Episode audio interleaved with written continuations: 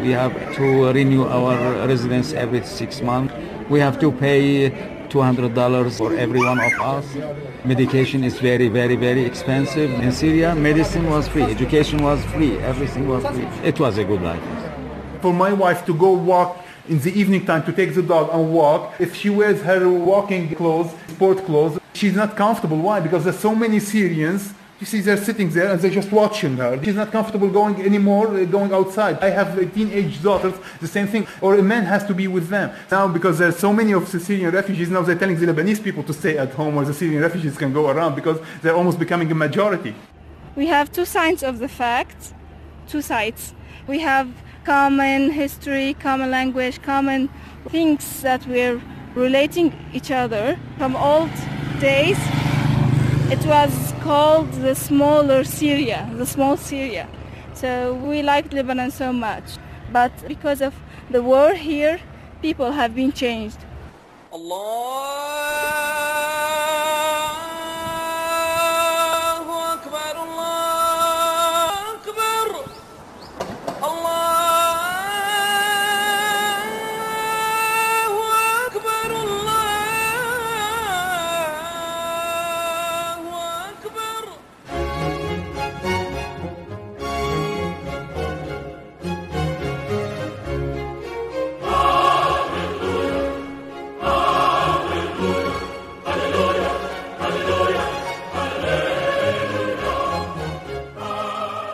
Libanon se Sjiite, Sunnis Christene en die Islamitiese sekte die Druze leef al dekades lank in ongemak saam, gebind deur stroewe kompromieë.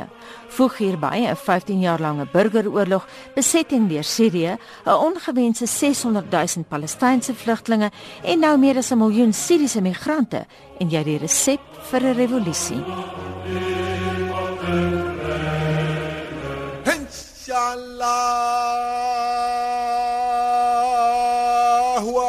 الله أكبر Why do you want to leave Lebanon?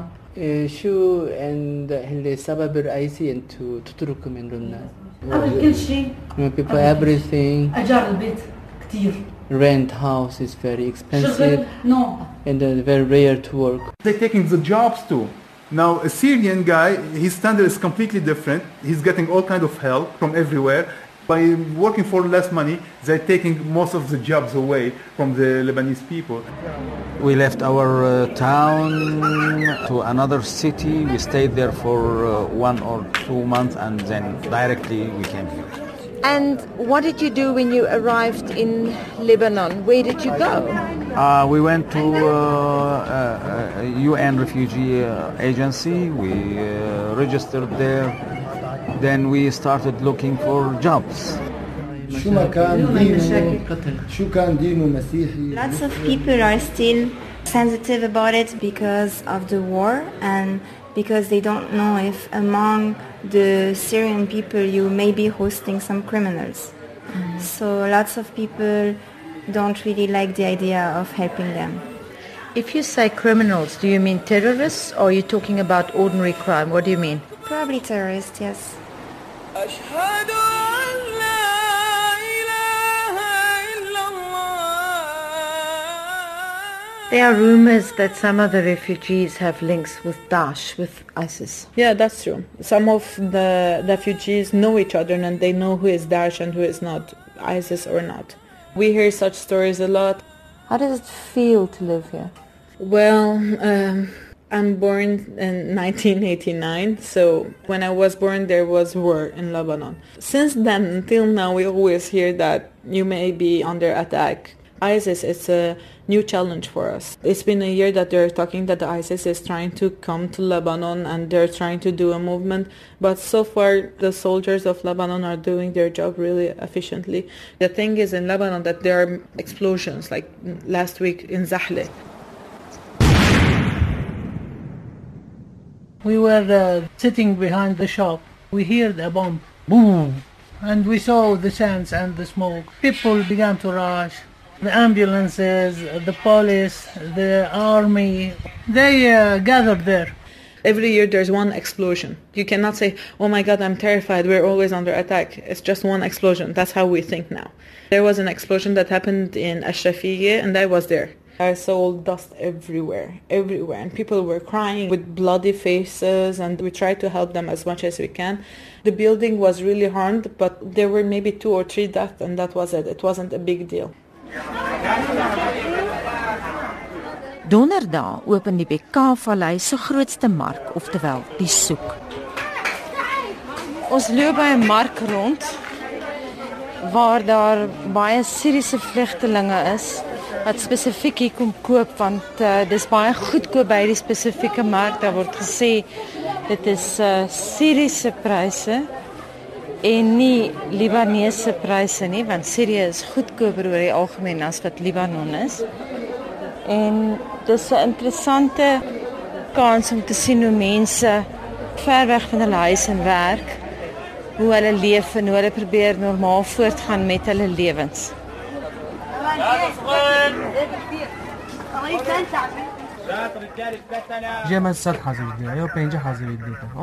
My name is uh, Muhammad Hannan and What uh. I am from Syria.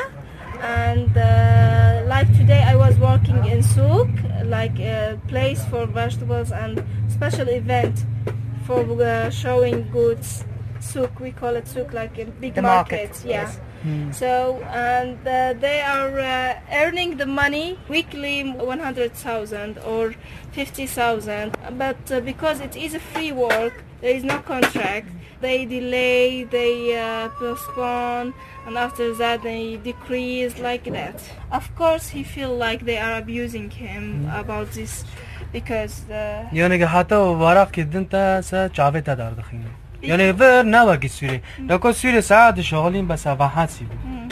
Because the people here are really like uh, different and they don't know us yeah. and they know that how much we are in need so they are abusing us. Once I worked for almost three hours, I say maybe they worked two hours really. And then after they finish working and painting and ask them uh, how much you want me to pay for you. And he asked me for 200,000 Lebanese lira, $137. I say $137 for two hours, three hours of work. I mean, even a doctor cannot make that much money, you know. I say, man, wow. I mean, I went ahead and I gave him $100, but they tell me they're doing me a favor. By die klein skooltjie wat Christen sendelinge in die Bekaa-vallei geopen het, gaan die lewe onder vlugtelingkinders van verskeie ouderdomme voort. ايش رايكم نقول اهلا وسهلا بس نقولها بالانجليزي تعرفوها ايش هي يا مصطفى ويلكم Welcome. يلا تعالوا قولوا لهم اياها ويلكم Welcome. برافو عليكم شكرا Silva is 27 en het in die noordooste van Sirië medies studeer. Sy is nou al 5 jaar lank in Libanon waar sy haar lyf onderwyseres hou.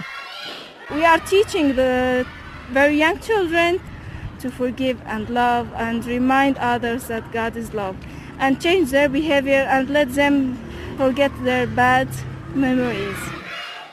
One of the experiences I had when I was very small, I used to go with my grandfather to the farm he owned.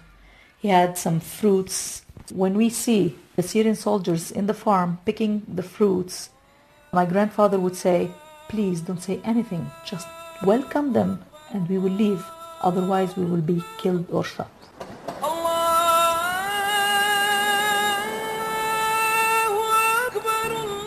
En meeste Siriëse vlugtelinge voel ook die kloof tussen hulle en hulle onwillige Libanese gasheere is te groot.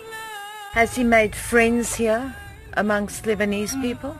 دبي انه هل يا ترى هبول انت لبناني تشيبي نلبر نو هاي كلها سياسة ما اختلفنا بس انت اليوم اذا عقلك براسك Die Koerdiese gesin, Rida, Nisrin en hulle vier kinders, betaal 330 dollar per maand vir 'n woonstel in Zagle, nadat eers Rida en toe die res van sy gesin in 2009 uit Sirië gevlug het. قتل حرام Uh, انا هربت كنت بالسجن He ran away from the military. At the time, he was put uh, in the secret police in Damascus, and they made them some torture and heat.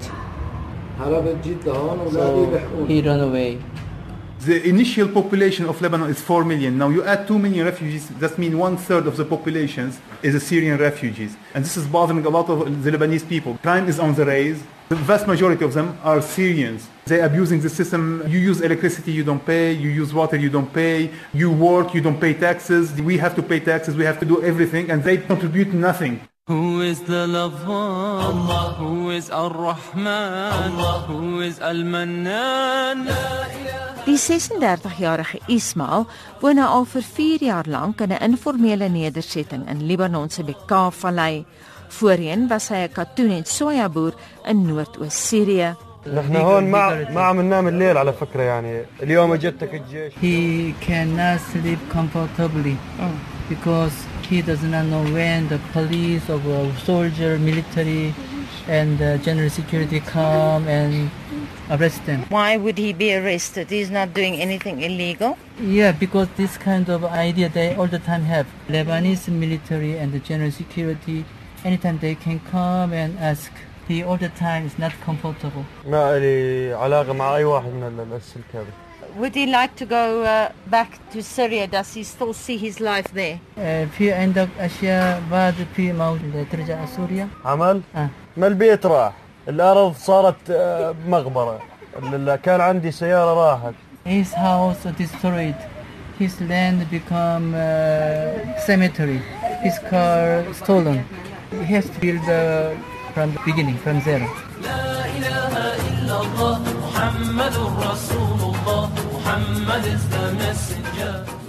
Anwar Korko was 'n chemiese onderwyser in Haseke, Noordoos Sirië.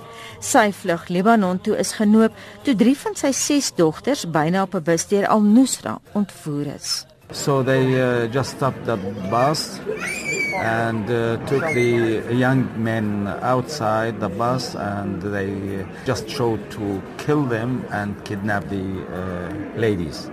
And how did they escape? They got a call, the terrorist people, they got a call. My daughter was praying, please God save us. She prayed to Jesus. Then suddenly a call came to them through uh, a cellular phone and they left the place. And did you almost immediately leave Syria? Uh, within one week.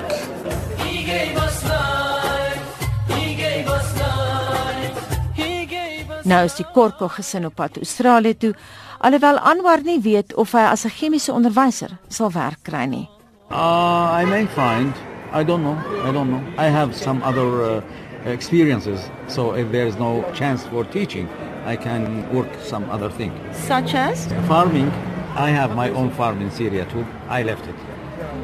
If you ever had the chance again and things settled down in Syria and the Russians moved out and the war ended, would you ever go back? Maybe, but I will keep my new citizenship. يا عصفور يا طاير بتهلي الفرحان En te midde van die groot mense se onvermoë om te vergewe, betaal die kinders die prys. انت مش ممكن تزعل لو ضاعت منك إن شاء الله أكبر They tortured Lebanese people. So that's why the uh, Lebanese have this feeling against, like, I don't want Syrians in my country. الله أكبر I heard it from my own family say, let them perish. إن شاء الله أكبر And how does she see her future? بعد سنة شو تتوقع؟ راح والله تظل برضه هي هي ما يتغير شيء. She didn't think uh, something will change. إن شاء الله أكبر.